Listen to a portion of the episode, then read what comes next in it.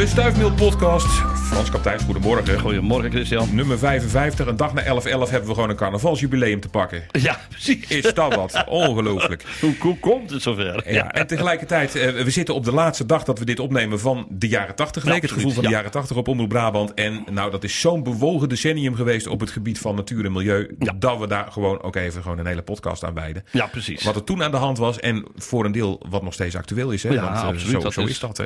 Dat is mooi ervan, ja. Dus e- eerst eventjes naar jou eh, in de jaren 80. Ja, je, was, je had een iets andere haarkleur. Ja, ik had iets andere haar, het was wat langer. En, eh, En een baard En, toen, of een baard erbij. En eh, nou ja, je kent eh, die figuren wel uit die tijd. Die pluizige En figuren, ook uit. Ja, Ja, ja, ja. precies. Ja. En eh, ik was echt eh, een beetje aan het toppen met de wereld. eh, die voelde ik ook op mijn schouders. En ik eh, dacht echt van, ja, ik, ik, ik- daar ook verder op terug op wat er allemaal fout ging. Ik denk bij mezelf, ja, ik ga toch een steentje bijdragen om eh, in ieder geval te kijken of ik daar eh, eh, wat kan verbeteren. En eh, ik ben toegetreden tot, zoals dat dan heet, het, eh, de Kleine Aarde. Mhm. Een stichting die eh, in 1972 is opgericht door Sietse Leeflang. En die had dus ook zoiets, ja, maar het gaat helemaal fout. Het gaat fout met energie, het gaat fout met het milieu, het gaat fout met de natuur.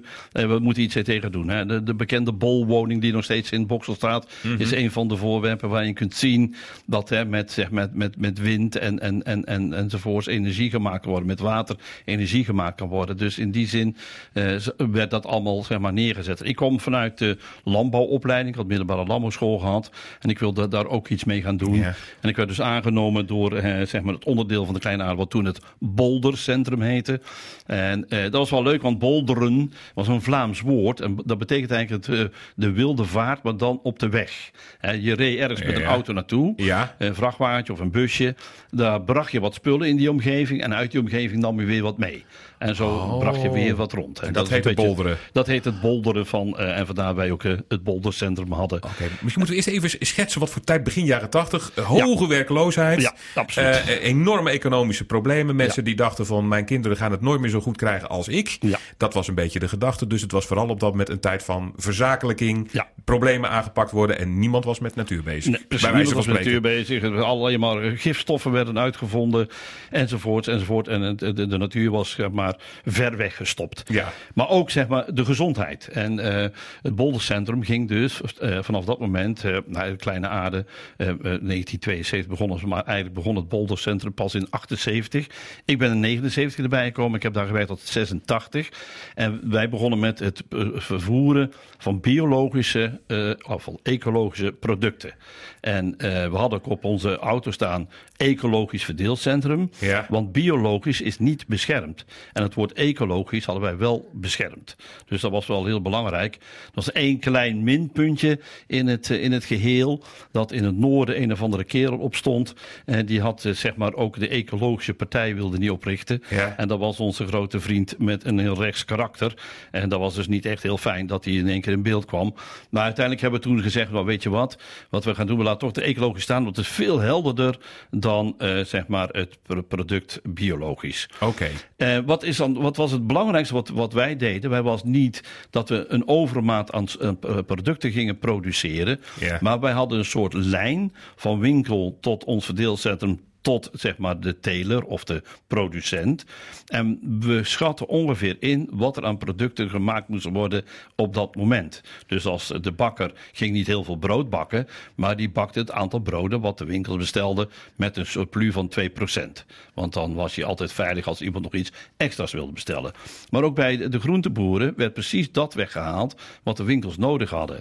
En zodoende kon je dus zeggen, we hadden geen overmaat. We hadden altijd precies het aantal wat winkels nodig hadden. Was wel gewoon een grootse belronde die er altijd aan vooraf eh, eh, plaatsvond. En dat deed ik dan vaak. Ja. Eh, samen met nog twee collega's. En dan zorgden we ervoor dat die producten gehaald werden. Dat was meestal dan maandag, werden die producten gehaald. Dan werden dinsdagochtend om vijf uur de vrachtwagens geladen. Ja. En dan reed iedere chauffeur met eh, zijn wagen vol met producten naar diverse winkels toe. Ik had de winkelroute Zuid. Ja. Dus ik had ook een vrachtwagenrijbewijs gehaald. Oké. En dan reed ik dus winkel Zuid. En dan begon ik in, zeg maar, in box dan, dan naar, naar Den Bosch toe enzovoort. Uiteindelijk eindigde ik in Maastricht. Oké, maar je had toch wel eh, paard en wagen? Je had er toch wel paarden voor gespannen? Nee, dat hebben we dus niet gedaan. Want dat vonden wij dus ook. Nee, dat met dieselolie? Nee, dat, kijk, dat was dus ook meteen zoiets van. Dan werden we heel veel op aangesproken. De mensen, terecht dat jij die vraag ook. eh, of dat eh, die opmerking maakt. Want men zei van dat doe je toch wel met paard en wagen. Want dat is minst vervuilend. Ja. Ja, maar dat gaat niet. Maar dan kom jij met zo'n ronkende diesel dus- aanzetten. Nou, hoe kun je dus inderdaad in één, in één halve dag. met verse producten. Hè, eh, want die moest allemaal vers in de winkel komen. Hoe kun je dan winkels bedienen tot aan Maastricht? Dat, dat gaat dus gewoon niet. Dus eh, we hadden ook vrachtwagens. En ik, eh, ik was verantwoordelijk voor het, eh, de, de vrachtwagens, om het zo maar te zeggen. Maar hadden we heel speciaal een, een, een, zeg maar een oude busmaatschappij. die al lang niet meer bestaat. Die zat er in de buurt. Ja. Eh, de Mol Pelikaan. Misschien kennen de mensen nog. Ja, die naam is wel bekend. Nou, ja. precies. Hè? Ja, nou, die, die, nou, die, die hoofdmonteur die vond ons zo leuk. En die bood dus aan om voortaan onze vrachtwagens op te nemen in zijn systeem. Dat wij dus ook elke keer alle beurten bij hen hadden. Dus hadden wij daar geen zorgen mee. Nou, dat is wel een grappig voorbeeldje uit die periode. Eh, samen met mijn collega Henk. Eh, hadden wij op een gegeven moment, want we- het liep gewoon heel goed. En zeker na die gifschandalen, waar ik daar eventjes op kom. Ja. Het liep heel goed, dus we hadden op een gegeven moment wat, wat, wat centjes over. En dan zeiden we, ja, we moeten die wat oudere vrachtwagens toch maar eruit doen en wat nieuwe gaan kopen. En toen zijn we dus zeg maar ook met lening van de Kleine Aarde, eh, zijn Henk en ik naar de RAI in Amsterdam toe gegaan. Om daar zeg maar eens kijken welke vrachtwagens wij gingen kopen.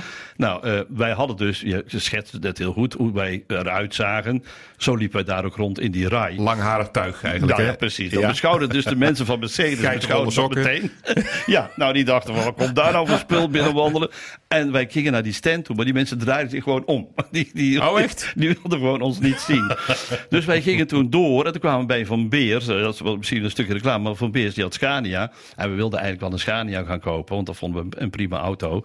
Dus we kwamen daar aan bij Scania. En al die mensen die daar stonden in die, in die eh, ruimte van Scania, die vlogen op ons af. Binnen een tijd hadden we koffie en koekjes en in een zetel gezet enzovoort. Want die wisten dat wij een vrachtwagen of twee gingen kopen. Oh. Dus eh, die hadden dat al in de smiezen. Dus, en later liepen wij naar, de, naar DAF toe. Want we wilden twee grote en een kleintje kopen. En dan zou bij de DAF de kleine kopen. Dus daar hetzelfde egaars ontvangen. Hoffelijk en weer zetels en koffie en koekjes en noem maar op. En toen liepen wij terug naar buiten toe. Omdat we het wel hadden gezien. En toen kwamen die mensen van Mercedes aangehold. Zo, kom je eens even binnen jongens. En we, nee, Nee. Mercedes is een eh, rot auto. Wij lopen wel door. Dus dat was wel een leuke, leuke periode. Maar in ieder geval, we hebben toen echt heel veel. ehm, ja, rondgebracht. Uiteindelijk hadden we eh, in Limburg is een zelfstandige eenheid ontstaan, de Euletul, wat betekent vlier. En ook in zeg maar, Zeeland begon een zelfstandige eenheid, die heette dan Delta. En die dan bediende dus Zeeland, die bediende Limburg, die andere. En wij dus eh, deden alleen nog maar Brabant.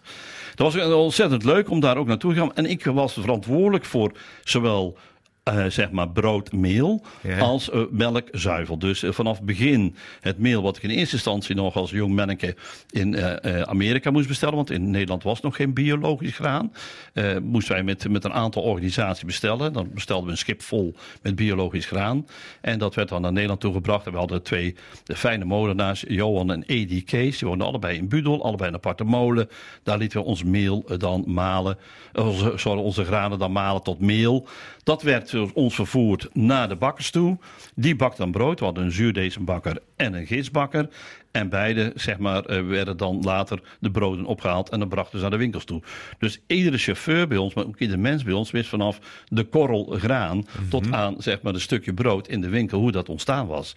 Dus we konden overal over vertellen wat daar aan de hand was. En zo even zo met melk hadden wij ook. In het beginsel, toen ik daar kwam in 89, toen hadden we alleen nog maar biologische melk.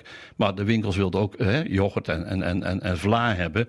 Dus als ik daar aan die tijd terugdenk, dan draait het nog in mijn maag. Want ik heb van alles draaiende enzymen naar bacteriën geproefd. Alles heeft gedraaid. Eigenlijk yoghurt kwam. En dankzij die gifschandalen, je hebt ze net al een klein beetje aangeroerd, eh, kreeg je de enorm de wind in de zeilen, toch? Ja, toen kreeg je de wind in de zeilen. Maar je moet dus nagaan, die gifschandalen. Mensen staan er niet bij stil. Maar dat werd dus in, ja, in, in 1980 werd het ontdekt in Lekkerkerk. Maar het is pas in 2008 afgesloten. Moet je eens gaan nagaan hoe lang dat geduurd lang heeft. dat. Voor, van mensen heel veel bij Lekkerkerk, dat doet bij heel veel mensen nog een belletje rinkelen. Ja. Ik heb wel eens ooit gehoord van mensen die in Lekkerkerk wonen, als ze dat vertellen, beginnen mensen gelijk over die gifwijk. Ja. Want er moest een hele wijk moest daar worden ontruimd, ja, omdat precies. er allemaal troep in de grond bleek te Ja, zitten. ja, ongelooflijk. Hè? En dat is echt niet. Ja, en uiteindelijk, de, de, degene die het veroorzaakt hebben, ja, het heeft niet zo'n zin om een naam te noemen, dat was een, een, een verffabriek. Ja. Die heeft dus zeg maar de schade moeten betalen samen met de gemeente Lekkerkerk, want die moest het mee betalen. Maar in 2008 was dat pas opgelost. En dan heb je nog een voorbeeld van de Volgermeerpolder, ook zo'n grote gifbelt die in 1981 al wel gesloten was. Maar de mensen hebben nog tot ongeveer 2018 er last van gehad. Nee, 2003 er last van gehad voordat het uiteindelijk allemaal opgelost was. Zo, nu is het een prachtig mooi natuurgebied. Maar er liggen nog heel veel vuilnisbelten. Mensen weten het gewoon niet. Als je ons Brabants land inloopt, dan komen er regelmatig op een rare manier bulten tegen in het landschap. Wat, wat norma- niet normaal is. Ja. Dat blijken dus oude gifbelten te zijn. Oh jee. Eh, dat is echt niet, er liggen er zoveel, het heette dan regionale stort. Maar in die regionale stortplekken, nou Christian, kun je donder op zeggen dat af en toe zo'n portier die daar zat te waken, zich wel omdraaide als je een doosje sigaren binnengeschoven zag krijgen. En dan Dus, werd eh, er heel wat anders zit er dan. eh, misschien is dat ook nog wel eens een keer een aparte podcast waard. Wat er allemaal nog voor rotzooi, wat Ja, we niet daar weten. Zou, daar zou een keer over kunnen hebben. Kunnen we een er keer over echt praten. gigantisch veel. Ja, en in die tijd was ook de, de, de, de strenge controle aan de grens was er ook nog. Hè? Want wij, wij eh, dat is ook wel leuk om te melden. Het Boldercentrum haalde de eerste Belgische biertjes naar Nederland toe, biologisch. En daar zat dus Hoegaarden bij. Ja. De beroemde Hoegaarden. Ja, ja. De, de, de blanke en de vader Ab meer weg te denken. En de verboden vruchten. maar wij waren de eerste die gingen halen. En ik was dus eh, een van de mensen die ze daar bestelden. Maar ik vond dat ik ook zelf een keer die rit moest maken. Want we hadden drie, drie brouwerijen. De Pikkelstoel, dat, was een, eh, dat zat vlakbij Assen, vlakbij Brussel. En daar was een open gisting. Dus die man die had een eh, kippen, had varkens, had graan. En had een open gisting met bier waar die brouwde. Zo'n carré-boerderij was dat. Nou ja, dan, als je de dopje eraf trok, dan was je het helft van het flesje al leeg. Want het spoot gewoon eruit. nou, dan hadden Girardin, die had dan eh, ja, Geuze en eh eh, Lambiek. Dat waren dus de twee wat zuurdere soorten. En dan hadden wij bij Hoegaarden, haalden de meeste biertjes. En dan moesten we naar de grens toe. Maar ik kon dat alleen maar op zaterdag doen. Want de rest van de week hadden we bestellingen voor winkels en noem maar op. En opruimen van de loods. En ik kon alleen op zaterdag bier halen. Ik dacht op een gegeven moment een keer, weet je wat, ik ga die douaneman geen kratje bier geven. Ik probeer eens een keer de grens over te komen zonder dat, eh, dat te doen. Nou, ik heb het geweten, want op een gegeven moment was het half twaalf en om twaalf uur sloot de grens. En dan stond mijn bier dus daar een heel weekend, als ik niet de grens overkom, moest dat daar blijven staan. Nou, dat is niet best voor het bier. Dus ik heb gauw een paar kratjes bier aan de achterkant neergezet Ja, en toen was ja. zo klaar. Ja, ja, niet dat je je van tevoren helemaal liet, liet eh, vollopen met de hoegaarden voor je ging rijden. Nee, nee, nee, nee, nee. Nou, dat was wel, wel grappig. Als ik bij de pickles toe kwam, was altijd geheid. Als ik dan inlaaide, want die man was te oud om zelf nog iets te doen. Dan was ik klaar met de vrachtwagen inladen. Dan kwam hij naar me toe en iets drinken. Zeg, ja, wat heb je? Ja, bier of whisky? S morgens om acht uur. En dan moet je nog helemaal terug naar Nederland. Nee, dus dan nam ik nooit iets, want dat vond ik niet echt heel interessant. Dus dat waren dus eh, nou, leuke perioden. En nou ja, uiteindelijk, wat we- ons doel was, dat straks het, eh, als wij hoefden uiteindelijk niet meer te bestaan, vonden wij. Ehm, want alles moet verkocht worden in de regionale winkels. En biologische producten zie je nu overal in supermarkten liggen. Eh, het is alleen zo dat we niet helemaal gehaald hebben wat ons doel was. Want in 86 zijn, zijn, toen werkte ik het net niet meer. Want ik was tot voorjaar van 86 was ik aanwezig geweest. Maar het jaartje daarna, 86, einde 87 begin, was ons bedrijfje failliet gegaan. En eh, nou ja, bestond het in één keer niet meer. En, en had het er dan mee te maken dat het toch eh, niet genoeg eh, aansloeg bij de mensen? Dat milieu niet helemaal of, of, of, of biologisch bestaan? Ja, een beetje wel. Het was wat, wat of die was, privéjet die je hebt aangeschaft, was dat uiteindelijk? Nou, het was meer ook een verkeerde inkoop gedaan hebben. De, de, de- dat we toch Die wel... privéjet was een grapje trouwens, hè, Ja. voordat mensen dat gaan denken. Daar begin ik ook gauw over. Nee, dat dacht ik ook al. Maar ik denk, laten we toch even weer spreken voordat het een verhaal op zichzelf Ja, wordt. Hè? Nee, ik denk, ik denk vooral, ja goed, eh, ik, ik, ik kan er niet heel 100% over meepraten, omdat ik toen al weg was. Mm. Eh, ik had mijn aandeel ook teruggenomen al. Ehm, nee, ik denk dat het ook te maken heeft met toen verkeerde inkopen. Dat we toch te veel, zeg maar, wilden hebben. En dan zie je vaker dat je dan met soort organisaties te veel opslag hebben, te veel voorraad hebben. En dan blijven ze met die voorraad zitten. En het kost ook geld, want alles wat in het voorraad blijft zitten, Ja. is geld. Dus dat was niet handig. Nee, dat is waar. Maar uiteindelijk is, is groen wel vermarkt hè? en biologisch. Absoluut, dat is, ja. Maar dat En, was toen eh, helemaal nog niet. Hè? Jullie waren wat dat betreft Ja. echt pioniers. Ja, eh, pioniers. Ja, het gebeurt ook regelmatig dat eh, tussen haakjes valse mensen wel eens gifzakken over onze schutting gooiden. En dan zeiden, en de journalisten belden, dan zeiden, ga maar kijken, want ze doen het ook met gif. Is dat serieus? Ja, ja, ja, ja, dat hebben we daar regelmatig toen meegemaakt. Bij de kleine aarde werden toen de gifzakken overheen gegooid om aan te kondigen. Want ja, er waren natuurlijk mensen bij die vonden ons niet, niet heel fijn. Want we waren natuurlijk toch wel een, een concurrent aan het worden eh, ten opzichte van de producten die gigantisch bespoten werden. Ja. En eh, ja, dat zagen, zagen sommige mensen toch wel als een dreiging toen al. Ja. En eh, je ziet dat dat uiteindelijk zeg maar, is dat minder, minder geworden. Maar het, eh, de bedreiging is minder geworden omdat steeds meer mensen ook om aan het schakelen zijn. Nu nog steeds. Ja. Naar eh, wat betere. En eh, het gaat er nu over dat op dit moment de vraag ook is: van kunnen we niet wat betere producten krijgen door ze wat meer natuurinclusief en biologisch te maken? Ja, ja. Is er ooit achter gekomen wie dat gedaan heeft? Dat gif over de Nee, nee, nee, dat is, en we hebben ook nog niet, niet de moeite voor gedaan. Weet je wat het is? Je weet toch hoe eh, dat de, op dat moment het speelt. En dan heb je zoiets van, nou, we kunnen gewoon bewijzen dat het niet zo is. Dat kunnen we gewoon keihard bewijzen. Dus dat is ons ook altijd wel gelukt. Maar goed, het heeft wel eventjes een, een negatief effect op dat moment. Ja. Maar dat is maar ko- korte duur. Ja. Ja, dus dat is in ieder geval eh, allemaal in die tijd eh, gebeurd. eh. en ik moet eerlijk zeggen, ik heb er fantastisch veel geleerd. Ik heb ook voor het eerst meegedaan met een filmpje van de VPRO, Mens en Macht.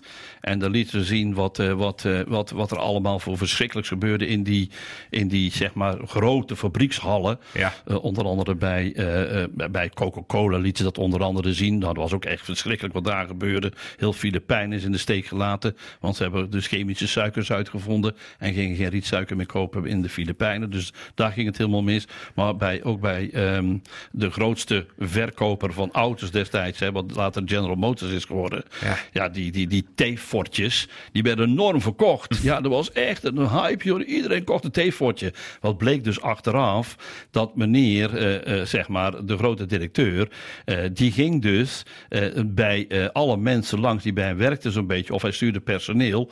En als er bekend was dat iemand graag een flesje bier ging drinken, dan stond er eh, op zaterdagochtend al heel vroeg een suppost bij de deur om op te letten dat niemand daar zeg maar geld verkwiste aan bier drinken, maar dat ze dus dan wel een, een, een, zo- zo'n theefortje konden gaan kopen.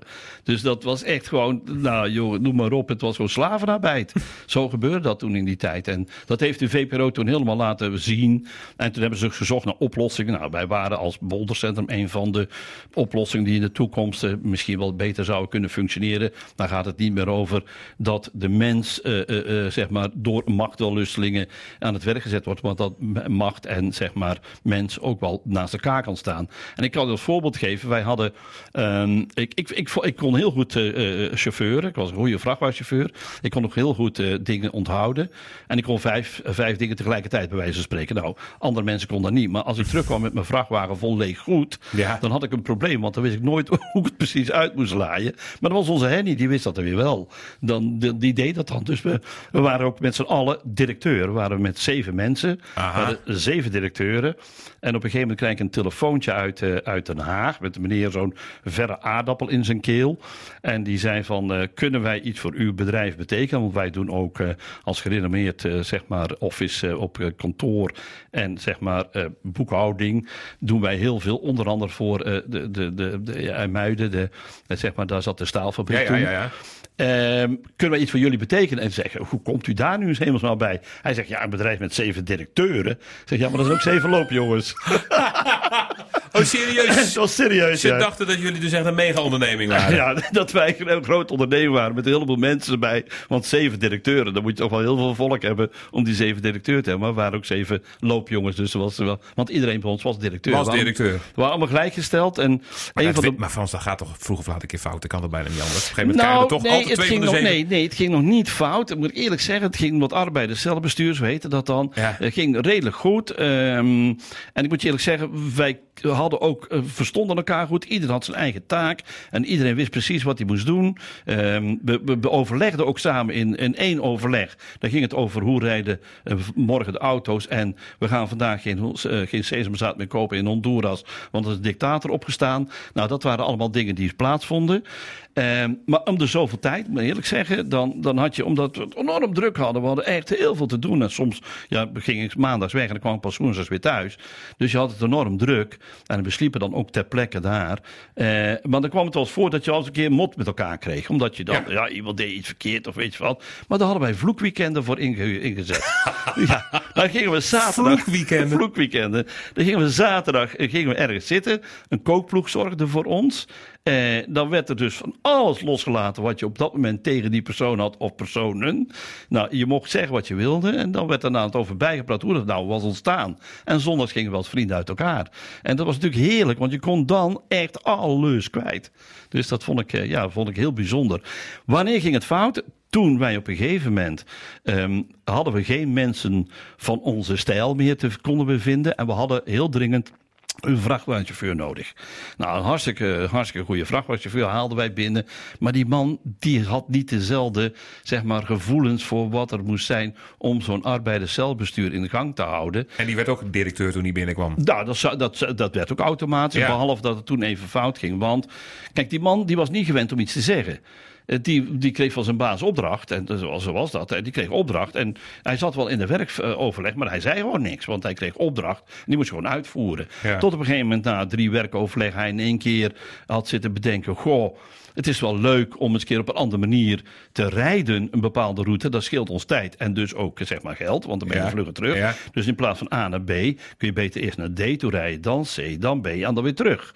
En we dachten, wauw, dat is wel geweldig, want dat scheelt ons eh, nou ja, ja. 25 kilometer, weet ik veel.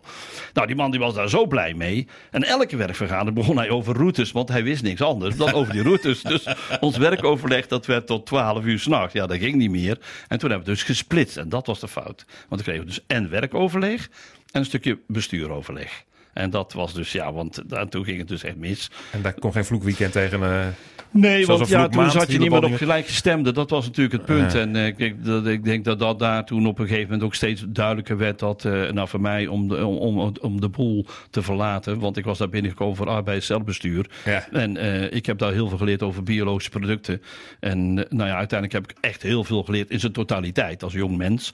En uiteindelijk ben ik daarna dus doorgegaan richting de wereldwinkels. Maar dat was dus, uh, dan praat ik over 87, 88. Toen ben ik in een wereldwinkel coördinator geworden in Overpelt. Nou is er heel veel te vertellen wat niet zo positief was in de jaren 80. Hè? Want er is veel misgegaan uh, op gebied van natuurvervuiling en uh, het verloren gaan van natuur. Ja. Maar er is toch ook wel iets positiefs over dat decennium te vertellen? Ja, absoluut. Is zeker. Uh, in de allereerste instantie, wat ik een heel belangrijke vind, is dus het uh, voorkomen van een spoorlijn door de Oostvaardersplassen. Dat, dat prachtige natuurgebied waar iedereen nu nog steeds van kan genieten, is in uh, 1980 is dat, in maart is dat voorkomen. En men wilde daar dwars doorheen een spoorlijn heen trekken. Dan had je een gebied en dan kun je je voorstellen dat wordt dan in twee gesplitst. Dat heeft dan denk ik geen enkele zin meer. Want dan heb je dus zeg maar duidelijk een storing en dieren kunnen niet meer makkelijk oversteken. Wat ook een positieve is voor de natuur in ieder geval en het milieu zeker, is de invoering van de loodvrije benzine. Dat is toen uh, plaatsgevonden in 1983.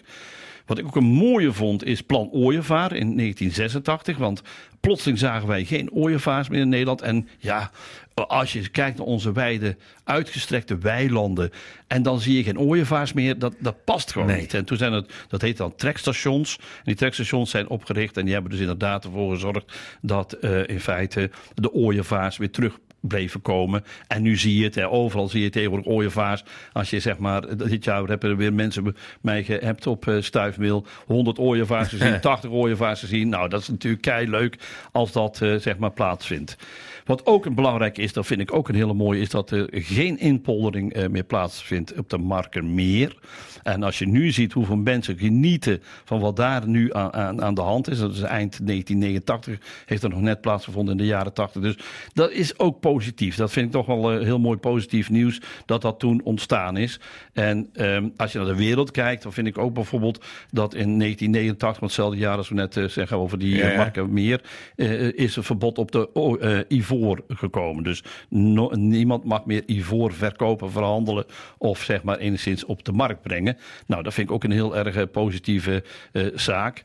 En in 1983, even terug, was er in Nederland Traffic ontstaan. En Traffic betekent een organisatie die zich bezighield met de wereldhandel in planten en dieren. Daarvoor werd er nooit op gecontroleerd. Iedereen voerde maar alles in en uit wat ze wilden. Er werden zeg maar hele landen leeggeroofd aan zeldzame soorten. En plotseling was daar dus een, ook in Nederland een onderdeel komen dat dat op, zeg maar op de vliegvelden gecontroleerd werd. Dus dat was natuurlijk ook fantastisch mooi om dat te zien. Nou ja, je hebt het zelf al genoemd, de, de bever is teruggekomen in de jaren 80. Ja, dat heb ik op de radio gezegd. Ja, daarom. dus, wou ik zeggen, je hebt niet in deze podcast, maar we hebben het wel even vernoemd. Precies, je hebt het vernoemd, hè, dat die teruggekomen is in, in, in ons land. In 1988 werd de laatste otter uh, overreden, maar de eerste bevers werden weer uitgezet. uitgezet ja. Nou, en het positieve van uh, daarna is dat die otter in 2002 weer terugkomen. Dat is niet in de jaren 80, maar hij is toch wel weer teruggekomen. Die bevers, het aantal waar we nu op zitten is 5000. Als je me nou. En uh, er zijn dus bevers die komen vanuit zeg maar de Biesbos, ook Brabant binnen, ook naar het oosten toe. Maar er komen ook bevers uit Limburg, komen ook deze kant op. Dus er zijn toch wel een aantal leuke dingen te melden. Ja, er zijn soorten verdwenen, maar je ziet nu langzamerhand dat die soorten weer terugkomen. Dus de zure regen is daar wel een groot debet in geweest. Uh, die is wel degelijk aanwezig geweest. Mensen zeggen, ja, is er nog zure regen?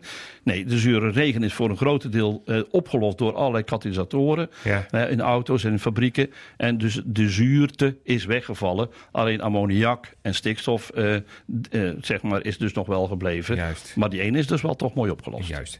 volgende week praten we trouwens ook over diersoorten die verdwijnen of, ja. of, of, verdwenen zijn. Ja. Dat volgende week. En voor de rest, als je wil reageren, als je vragen hebt, van alles. Als je iets aan Frans wil laten zien, foto's, plaatjes, kan allemaal via stuifmail.omroepbrabant.nl. En als gezegd, volgende week, Frans, zijn we er weer. Dan zijn we er weer. Gezellig.